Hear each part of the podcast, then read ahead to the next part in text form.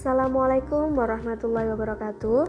Saya Faizatul Holisah dari kelas 2A Program Studi Keperawatan Program Diplomatika. Di sini saya akan membahas sedikit tentang studi kasus etika dalam penelitian terkait plagiarisme. Apa sih itu etika? Etika berasal dari bahasa Yunani yang artinya kebiasaan dan peraturan perilaku yang berlaku dalam masyarakat. Jika dalam ranah penelitian, etika lebih menunjukkan pada prinsip-prinsip etis yang diterapkan dalam kegiatan penelitian. Yang mana prinsip-prinsip tersebut ada empat macam. Yang pertama, menghormati harga dan martabat manusia. Dua, menghormati privasi dan kerahasiaan subjek penelitian. Tiga, keadilan dan inklusivitas. Empat, menghitungkan manfaat dan kerugian yang ditimbulkan. Etika dalam penulisan laporan penelitian ada tiga macam. Pertama, kejujuran, yaitu semua informasi atau data-data yang disajikan harus sesuai dengan keadaan sebenarnya. Yang kedua, objektivitas. Yang ketiga, pengutipan. Yang mana jika mengutip pendapat orang lain, maka sumber kutipan harus dicantumkan sebagai bentuk penghargaan kepada pemilik ide tersebut.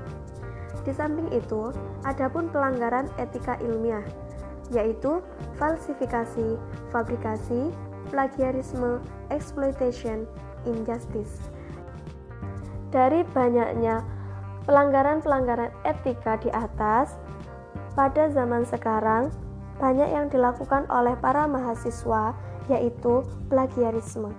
Apa sih itu plagiarisme? Plagiarisme menurut bahasa Latin yaitu penculik atau pencuri.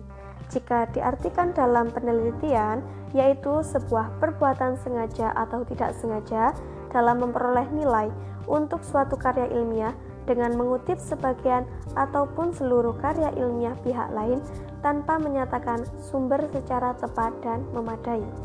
Adapun sanksi dari melakukan plagiat tersebut diatur oleh Permendiknas nomor 17 tahun 2010 bab 6, yaitu tentang pencegahan dan penanggulangan plagiat. Studi kasus etika dalam penelitian terkait plagiarisme. Yang pertama, pelanggaran etika ilmiah. Faktor yang merumitkan pendeteksian adalah publikasi-publikasi yang diterbitkan setiap tahun di dunia, lebih dari 40.000 jurnal dan ratusan ribu artikel. Hal ini membuat pendeteksian sulit dikendalikan. Seperti salah satu contoh kasus Elias Eika Al-Sabti pada akhir tahun 1970 dan awal tahun 1980. Al-Sabti adalah warga Irak, jurusan kedokteran ternama.